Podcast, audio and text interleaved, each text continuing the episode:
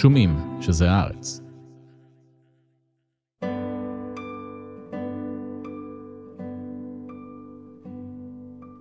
שוליית הקוסמת, מאת תמר הוכשטטר.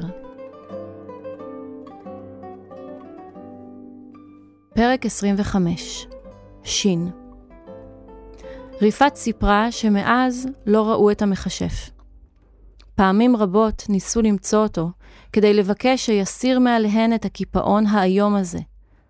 אבל הוא כנראה מסתגר בביתו עם התרנגול, ואף על פי שניסו, לא הצליחו להיכנס. הוא נעול? שאל נוח. לא בדיוק, ענתה ריפת ולא הוסיפה. הקוסמת שלך היא לא התרנגולת היחידה שנתקלנו בה, אמרה עדיפת לפתע. עד כה שתקה והשאירה את הדיבורים לאמה הזקנה. בתקופה האחרונה שמענו קרקורים, וגם נתקלנו בכמה תרנגולות טועות ביער. בנס לא נטרפו. ליווינו כמה מהן לשולי העיר. היא התבוננה בו במבט רך. כשראינו את התרנגולת שלך עם נוצת התרנגול בחזה, חשבנו, לא ידענו מה לחשוב, נבהלנו. רק אחר כך, כשכבר היינו בבית, הבנו שטיפשי היה מצידנו לברוח. הרי זמן כה רב חיפשנו רמז. וגם היא הביטה בהיסוס אל מוריפת, ולהפתעתו, הילדה החזירה לה מבט בוטח והנהנה. וגם הרגשנו, ידענו, שהתרנגול מאבד מכוחו. למעשה, אנחנו חושבות שהוא גוסס. התרנגול עומד למות? קרא נוח. איך אתן יודעות? קשה להסביר זאת, אבל מאז הכישוף אנחנו מחוברות אליו, והוא עלינו. היא הסמיקה. אני יודעת שזה נשמע מוזר. דווקא לא? אמר נוח ופליאה בקולו. אני דווקא מבין בדיוק. זה כאילו שבכישוף התערבבתם איכשהו? בדיוק ככה, התפרצה מוריפת בעיניים בורקות. ידעתי שגם אתה קצת קוסם. לא, לא, אמר נוח וטלטל את ראשו בכוח. יש לי רק שלוש אותיות. מה זאת אומרת? איזה אותיות? בשם שלי, נון וו ח, רק שלוש. אני מנסה לזכות בעוד אות. זיכרון הפיל הנעלם הבזיק בו. אבל עוד לא הצלחתי. סיים חלושות. ומה צריך כדי שתזכה באות נוספת? להוכיח שאני ראוי לה. חשבתי שאני כבר קרוב, אבל בעצם התרחקתי מאוד. הוא מולל את כובעו הריק. זן איננה, והוא רק שוליה בעל שלוש אותיות עלובות. האם שוליה ללא קוסמת הוא בכלל שוליה? אין לו תרנגול רב עוצמה, או ידע בלחשי קסם. אין לו כלום למעשה, רק ביצת גומי חמימה, ותיק עם כמה חפצי קסם פשוטים. הוא ידע שהן מאוכזבות, אולי אפילו מיואשות. הן ראו את הנוצה וחשבו שיש לה קשר אליו, שהוא קוסם, שיוכל להוביל אותן לתרנגול, אבל הוא אפילו לא יודע מניין הגיע הצעיף. האם ידע ושכח? לא ייתכן. מומביזן מעולם לא סיפרה לו. כנראה לא חששה לשכוח מניין הגיע הצעיף, או מי נתן לה אותו. היא ידעה שתזכור. את הדברים החשובים לא סיפרה לו, חשב בזעף. הוא הזכיר לה מהי דלת ואת המקום שבו עצרו בסיפור. אבל על עצמה לא סיפרה. השלוש הביטו בו בצער. הוא פתח את פיו, אבל לא היה לו דבר להוסיף. הוא סגר אותו והשפיל את מבטו. פתאום קפצה מוריפת על רגליה. רגע! צעקה ועיניה פקוחות לרווחה. דיפת וריפת התבוננו בה בתימהון. אני חושבת, אולי, אה, מצאתי, היא אמרה ופשפשה בכיסא החצאית שלה. היה שם, היא הפכה את הכיסים, משהו נפל משם, משהו גדול מעט ממטבע. הדבר הבהב וקבע. נוח הזדקף כדי לראות. יכול להיות? חום התפשט בלחייו. הוא התקרב אל החפץ. איפה מצאת את זה? שאל בקול דק. ליד שיח ההדס, לא רחוק מהמקום שבו ישנת, ענתה מוריפת. היה נדמה לי שאני שומעת משהו לוחש, וכשהתכופפתי ראיתי את זה. חשבתי שזה טליון של שרשרת. מדוע לא אמרת כלום? נזפה בריפת. אני, אני שמתי בכיס, ואז שכחתי, כי מצאנו את הילד ואת הנוצה. זאת אות! קרא נוח. ריפת רכנה כדי להיטיב לראות. נראה שהן חוששות לגעת באות המוטלת על הרצפה. עין, אמרה ריפת. בעצם לא, היא סובבה קצת את ראשה. שין. שין? את בטוחה? תראה בעצמך. נוח התקרב למקום שבו עמדה. אות מוזהבת, דקה ומסורטטת, פעמה בלי קול על רצפת הבית הכלואה. זאת הייתה שין, ללא ספק. כלשון זעיר, בעל שלוש זרועות זקופות ומאירות, כמו פמות עתיק המנסה להאיר את סביבתו. היא שלך? לחשה מוריפת. אני חושב שכן, ענה נוח. אז קח אותה. נוח שלח יד זהירה והרים אותה. הוא ידע מה לעשות. הוא הניח את האות בזהירות על לשונו. האות הייתה מתוקה וצובטת. שלוש רגליה השאירו על לשונו שלושה פסי מתיקות. הוא עצם את עיניו, חיכה שתתמוסס מעט, ואז הוציא את השין מפיו והדביק אותה על מצחו. הוא הניח עליה את שתי ידיו ולחץ על עפעפיו הסגורים בשורשי כפות הידיים. וכך, בעיניים מכוסות ומצח בוער, הוא חיכה. האות חיפשה לה מקום בתוך שמו. אמנם הייתה אות יחידה, אבל רחבה ומורכבת מהאותיות שכבר היו שלו, והוא כמעט הרגיש את התרחבות הכתפיים והתארכות הצוואר כדי לפנות למקום. השלוש עצרו את נשימתן. נוח חייך. הוא הוריד את ידיו ופקח את עיניו. השלוש הביטו בו בשאלה. האות המוזהבת נעלמה באורח פלא ממצחו. במקום שבו הייתה, נשארה בהרה בצורת שין, כמעט בלתי נראית. קראו לי נוחש. נוחש? מלמלו השלוש והתבוננו זו בזו. על פניה של מוריפת הסתמן חיוך. נוחש! חזר נוח בנחישות. נוחש! קראו השלוש במקהלה. נוחש! נוחש! ואז הן פרצו בצחוק. גם נוח צחק. הצחוק התגלגל והסתחרר בחלל הבית הקטן.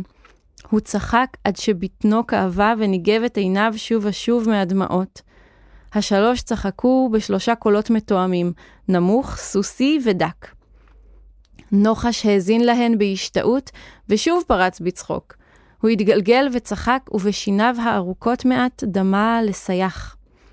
בסוף נרגעו. שיהוק אחרון נמלט מפיו. הם שכבו שרועים תחת כיפת העלים והענפים המסורגים. נוחש נשם אל התקרה כמה דקות בשקט. אבל איזה מין שם זה נוחש? נשמע פתאום קולה של דיפת מקרבת מקום. שם כזה, ענה נוחש בפשטות, עם שין בסוף.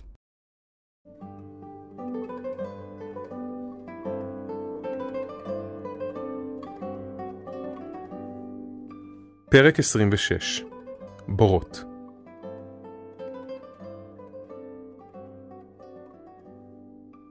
אחירועם לא עבד במדבר שגבולותיו זזים ומשתנים. המזל האיר לו פנים. הוא מצא את דרכו ויצא מהישימון, פוסע לאיתו לתוך כפר קטן. כדי לא להבהיל את התושבים, עשה עצמו אילם, וזכה לקבל מבעל חווה אחד דבר מאכל ושתייה. כל אותה עת היה התרנגול הצעיר תחת זרועו. בעל החווה חייך אל האלם הרזה, בעל התרנגול היפה, והציע לו להישאר ולעבוד בכפר. אך אחירוע מניד ראשו בתודה, ועזב את הכפר עוד באותו הלילה. התרנגול התעופף והתיישב על כתפו. ימים רבים שוטטו ללא מטרה. אחירוע מסע עצמו כאילם וקיבץ נדבות. הוא האכיל את התרנגול והשקע אותו וליטף את נוצותיו, שנהפכו ליפות וצבעוניות יותר מיום ליום. המזל הוסיף לעמוד לצידם. בכל מקום שביקרו הזמינו אותם להישאר. אך אחירועם רק קיבל את המזון שהציעו לו, חייך את חיוך התאי שלו, והמשיך הלאה, הלאה והלאה. שנתו הייתה תרופה. הוא חלם שהשד מחכה לו במקום שחור משחור. אם תיכשל, גורלך יהיה בידי. כך אמר לו שברירי, ואחירועם ידע מספיק כדי להאמין. הוא חשש להירדם. שברירי ערב שם בשינה.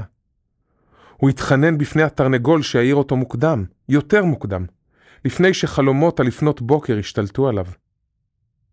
אך התרנגול לא פצע את מקורו. מעולם לא קרה עם זריחת החמה כשאר התרנגולים. רק בערב, לפעמים, היה נתקף קוצר רוח בראותו את קרני השמש נעלמות. ואז היה מקרקר בכעס, כמו צועק עליה. כשהיה ער, היה השד מזיק שבתוך החירוע מתעורר ותובע את שלו. בכל בוקר היה מתעורר עם תחושת גירוד נוראה בגרון, ומתאפק בכל כוחו לא להשתעל. בוקר אחד לא הצליח עוד לעצור זאת, גרונו בער כלהבה. השאול פרץ ממנו כמו מכונת ירייה. האדמה רעדה. העיקר שחרש את השדה במרחק קילומטר משם, נס על נפשו. בלילה חלם אחירועם חלום. ובחלומו מדורה גדולה, ובתוכה תרנגול. עליך לחפור בור, אחירועם, אמר התרנגול בלי לפתוח את המקור. הטמן בו את זיכרונותיך, ותבוא על שכרך. הכוח הגדול טמון. טמון איפה? רצה אחירועם לשאול, אבל לא הצליח לפתוח את פיו. הכוח הגדול טמון, אמר שוב התרנגול. בבוקר הקיץ כשהאש עדיין בעיניו, והמילים באוזניו. הכוח הגדול טמון. באותו יום עלו הוא והתרנגול בשביל שמוביל לראש הר. באמצע הדרך לפסגה התעופף התרנגול מכתפו של אחירועם ונחת כמה צעדים לפניו. הוא הפנה את מבטו אל האיש הצעיר, ואז הוריד את ראשו ונקש במקורו על הקרקע. טק, טק, טק, שלוש פעמים. השמש הבליטה את נוצותיו הבוהקות. אחירועם ירד על ברכיו והתחיל לחפור. התרנגול התבונן בו במלאכתו. אחירועם חפר וחפר, עד שנשברו ציפורניו ואדמה חדרה לעיניו ולאפו. לבסוף, נקש התרנגול על כתפו כדי לסמן לו שחפר די. אחירועם חדל מהחפירה והתמוטט.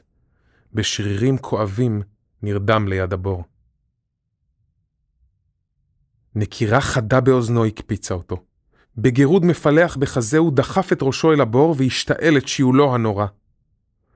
עוד ועוד השתעל, ותוך כדי השיעול חשב על אמו, ועל אחיו התינוק, ועל הכפר שעזב. ראשו בתוך הבור וגופו מתפתל מחוצה לו. לבסוף נרגע הגירוד והוא הוציא את ראשו מהבור בנשימות עמוקות. לאט לאט נרגע גופו, ומוחו התרוקן. לצד הבור החלו להיפתח באור ראשון של שמש, פרחיו הקטנים והכחולים של שיח זכריני. אחירועם הביט בהם בעיניים רכות, כמו שלוליות. התרנגול סימן לו לכסות את הבור. אחירועם ציית. קל איברים, ובמצח חלק מדאגות, נשא את התרנגול על כתפו, עד שהגיעו לראש ההר. רוח קרירה ציננה את פניו המיוזעים, ונוף של שדות ירוקים השתרע למולו. ואז הבחין במטבע. מטבע זהב מנצנץ, חציו קבור באדמה, וחציו מזדקר ממנה. אחירו עקר את מטבע הזהב, ושקל אותו בידו. זהב, זהב אמיתי. הוא היה מאושר. מהיום שעזב את ביתו שבכפר לא ישן במיטה נוחה. וכעת מיהר במורד ההר לקנות לו ולתרנגול ארוחה חמה ומקום לינה. מאז אותו יום לא נאלצו עוד לקבץ נדבות. התרנגול הראה לו היכן, והחירועם חפר בורות. חפר וחפר, עד שציפורניו נשברו, אצבעותיו התעקמו, וגבו דאב. בור ועוד בור, שביל של בורות השאיר אחריהם. בבקרים היה משתעל לתוכם כמקיא את נשמתו. תמונות ומחשבות חלפו בראשו בעת שהשתעל. אך כשסחט מגרונו את השיעול האחרון, נעלמו גם הזיכרונות. בראש מעורפל וגוף מרוקן, היה מעמיס את התרנגול על כתפו, ויוצא שוב לדרך. פעמים רבות מצא איזה אוצר קטן. פעם מטבע, פעם אחרת אבן חן, ולעיתים מטיל זהב או צמיד כסף מושחר.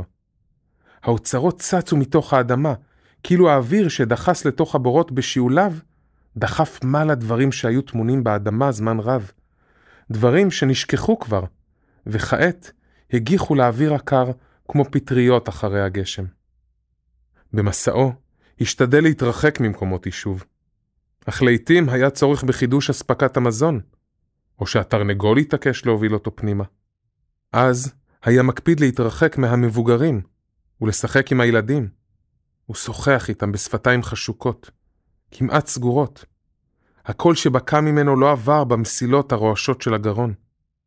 הילדים אהבו אותו, וצחקו מהבדיחות המזעזעות שסיפר בקולו הצפצפני. הם הפצירו בו שיישאר, והעניקו לו את החפצים היקרים ביותר לליבם. מקלות מגולפים, וגולות זכוכית זוהרות, וחוטי ברזל מיושרים, וחתיכות פח מבהיקות. אך ירועם אסף את המתנות, אבל לא נשאר. האנשים חשבו אותו לתימהוני שדוף, מגודל טלטלים, כושל ביערות ובהרים. תרנגול מכביד על כתפו, והאוצרות נובטים תחת רגליו.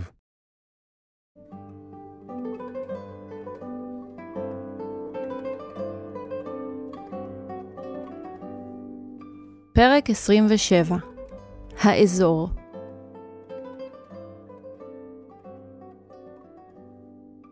הם ירדו בזהירות אל העמק.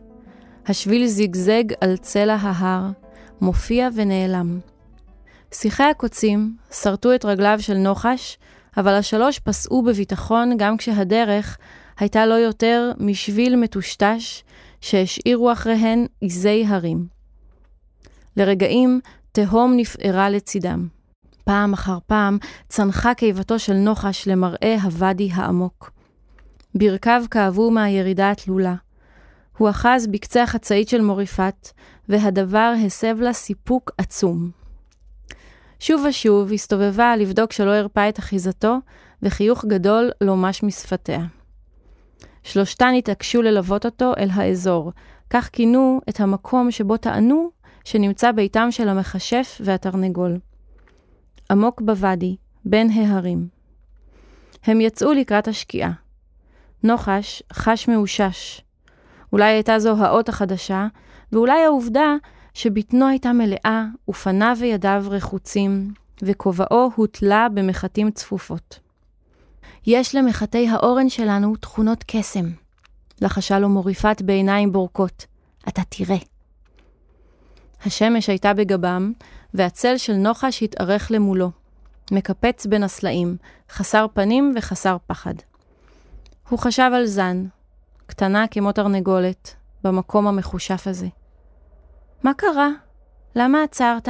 שאלה מוריפת. נוחש לא ענה. הוא עקר אבן גדולה מהאדמה, הקפיץ אותה פעמיים בידו, והשליך אותה אל עבר התהום. אולי נעצור רגע, ביקש. כמעט הגענו, אמרה ריפת. הוא המשיך ללכת, אבל הדאגה רחשה בו, וגם כעס. הירידה נעשתה תלולה יותר, ונוחש נאחז בקוצים ובענפים שבלטו מההר כדי לא להחליק וליפול. אבנים חרקו והתגלגלו תחת רגליו. תשים פה יד, הורתה מוריפת. וכאן, הנה, הרגל שלך כמעט נוגעת. רגלו של נוחש גיששה אחר מאחז בסלע הגדול. בסוף לא נותר עוד לאן לרדת. הם הגיעו למטה, אל האוכף אשר בין ההרים. הנה, אמרה ריפת, שם. היא הצביעה על המשך הוואדי שלפניהם. שני סלעים גדולים ועגולים נחו בתחתיתו, וביניהם ראה נוחש משהו מנצנץ, קורץ אליו. קרן אחרונה של שמש שהוחזרה מכתם רטיבות בסלע. אתה רואה שם בין הסלעים? לא. לא, ברור שלא, נאנחה ריפת. זה לא משהו שרואים, אבל אם תלך עוד עשרים צעדים בערך, אתה תרגיש את זה. את מה? זה קשה להסביר, התנצלה דיפת, אבל אנחנו בטוחות שתרגיש את זה. אנחנו חייבות לעלות חזרה. היא הסתכלה על השמיים המתקהים מעליהם. טוב, אמר נוחש. בסדר, לכו, אני אסתדר. דיפת הסתכלה עליו בדאגה. בהצלחה, אמרה ריפת. אני בטוחה שתצליח להציל אותה, אמרה מוריפת ונגעה לרגע בלחיו. וכאישה אחת, סבבו על עקבותיהן והתחילו בטיפוס התלול מעלה. שקט רך של ערב ירד על הכל. נוחש פנה בתחושה כבדה אל עבר הסלעים הגדולים. הוא פסע באיטיות לעברם. ברגע שעבר ביניהם, חש זאת. הוא הסתובב בבהלה לאחור. הוא לא ראה דבר, ובכל זאת ידע שחצה את הגבול. הוא הרגיש שמשהו ממנו נותר מאחור. הוא בדק שהכובע עדיין על ראשו, ואם לא נפלה לו במקרה הנעל. הוא הסתכל סביבו. הכל היה כרגיל. צמחייה, סלעים, עננים מברידים מעליו. רק הוא היה כאילו גזור ומודבק על תמונת הערב הזאת. תוך כמה רגעים לא סבל עוד את ההרגשה וברח החוצה, אל בין הסלעים הגדולים ומחוץ לגבולות האזור. מיד חש בקרירות, ושוב הבחין בצל המתארך ממנו והלאה. הוא ניסה להירגע בעזרת ביצוע מהיר של החלפה בסיסית עם שתי אבנים. הידיים חזרו על התנועות המוכרות, ונשימתו שבה לסדרה. כשהסתכל על הצל שלו, דמיין שם את זן, בלועה בתוך גבולות הצל הכהה. הוא הרגיש את התזוזה שלה על חזהו. הוא נזכר בהתעקשות שלה לחבוש את מסכת התרנגולת ולהתעטף בצעיף הנוצות. הוא חשב שהיא עושה זאת מתוך בושה, שהיא מתחפשת כדי שלא יכירו אותה. אבל אולי היה עיוור לכוונתה האמיתית? האם קיוותה שיחטפו אותה?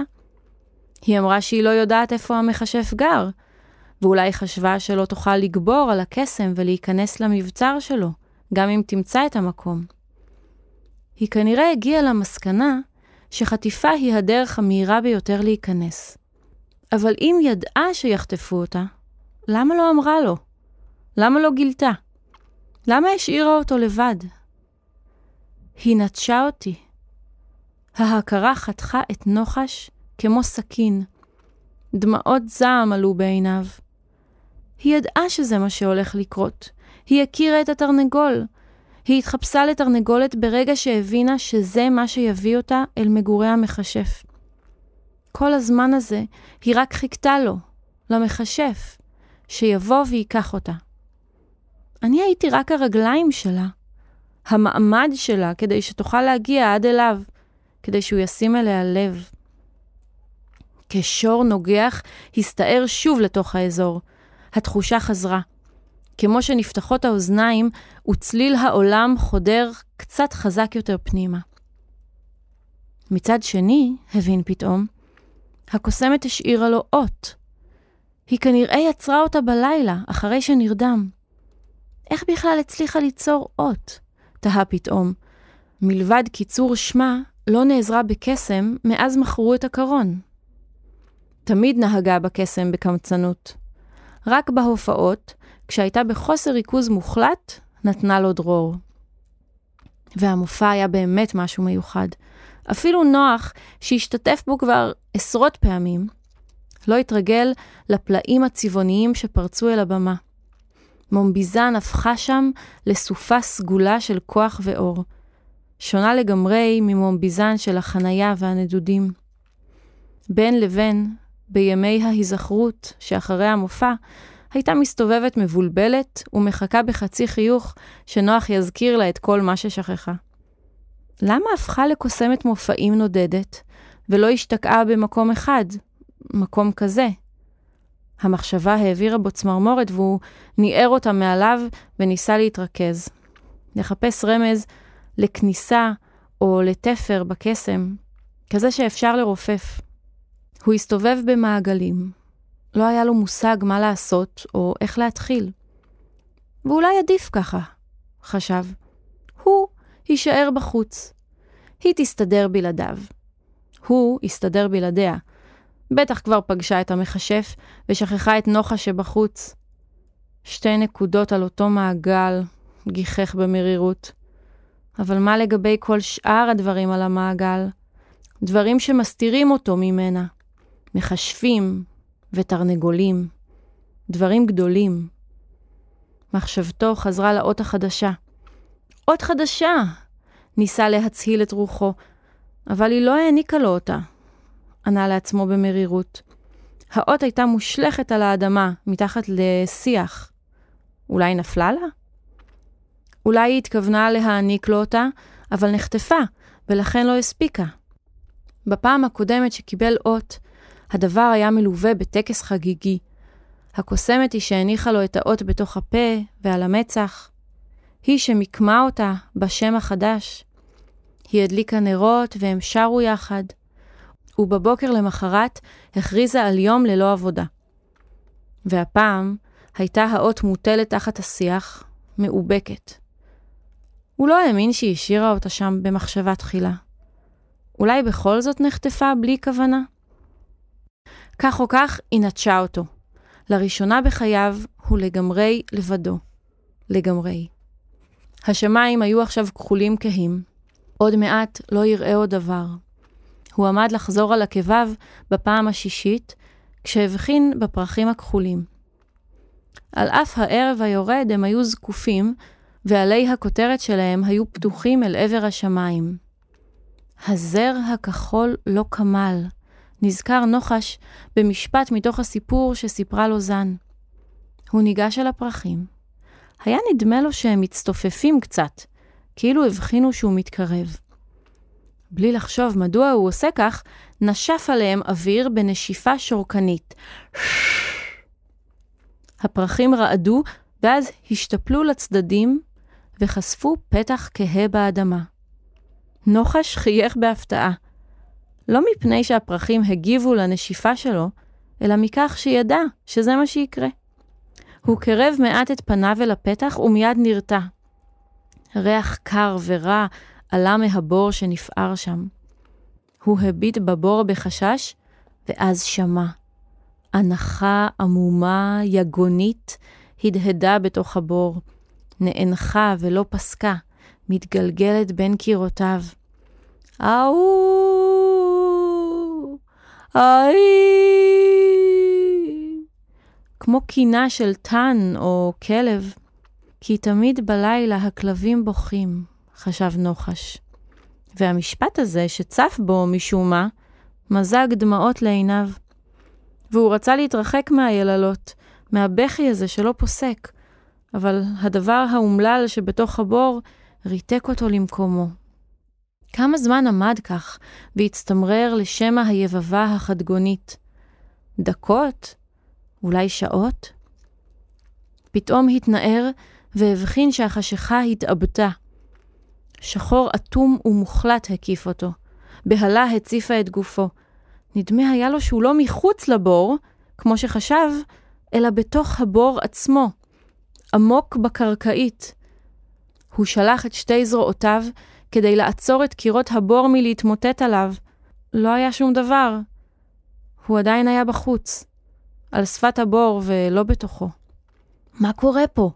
שאל את עצמו. אבל לפני שהספיק לסדר את מחשבותיו, חש שהיבבה מתוך הבור עולה וצומחת בתוך גרונו.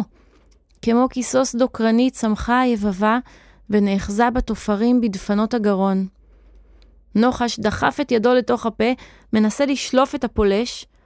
הוא לא הרגיש שם דבר, רק לשון יבשה. הוא חרחר, השתעל וירק, אך היבבה נאחזה בו ולא הרפתה. שורטת בתוך הגרון. היא התאבדה. הוא התקשה לנשום. הוא נפל על הקרקע, פניו נושקים לשפת הבור.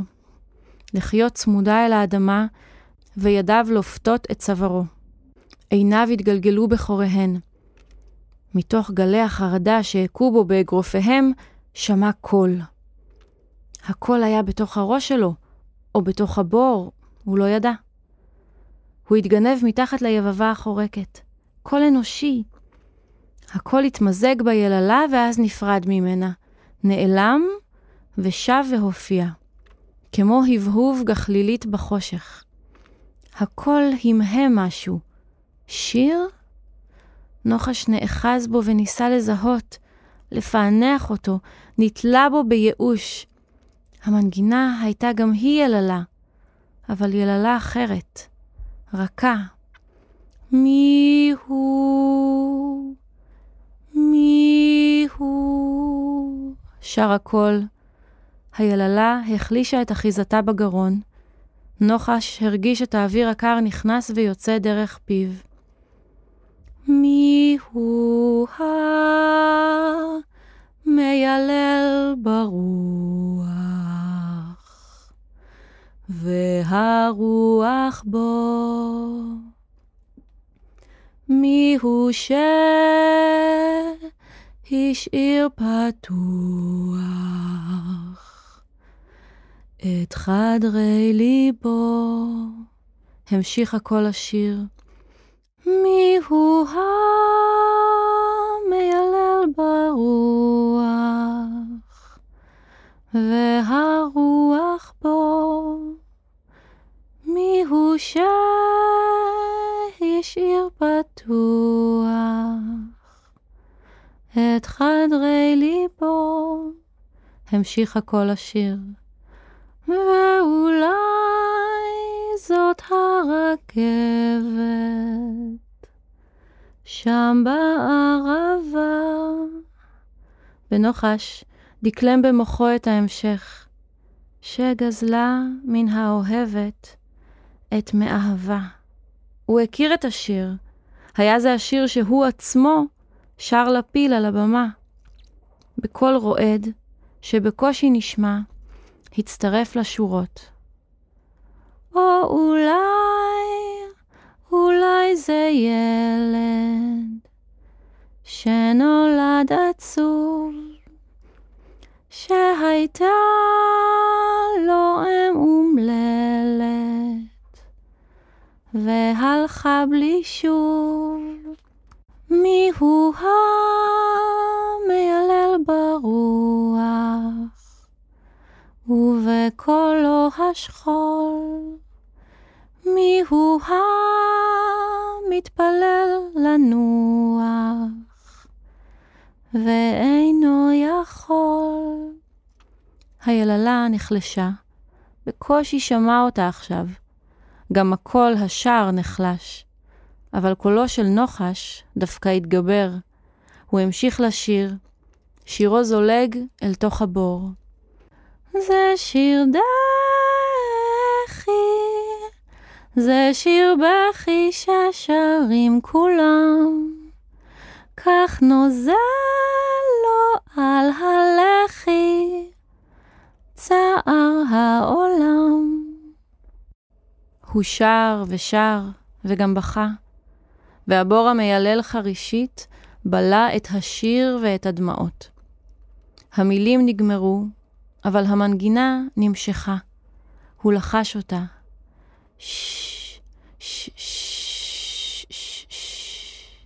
כאילו הוא מרגיע תינוק. האות החדשה בשמו ריחפה מתוך פיו כמו בועות נוצצות. הבור הפסיק לילל ופסק עוד קצת את שפתיו הפתוחות. נוחש החליק פנימה. כן, זאת הדלת. הבין בעייפות, תוך כדי שהוא נוחת ברכות על קרקעית הבור. ריח פרחים דק מן הדק עלה באפו.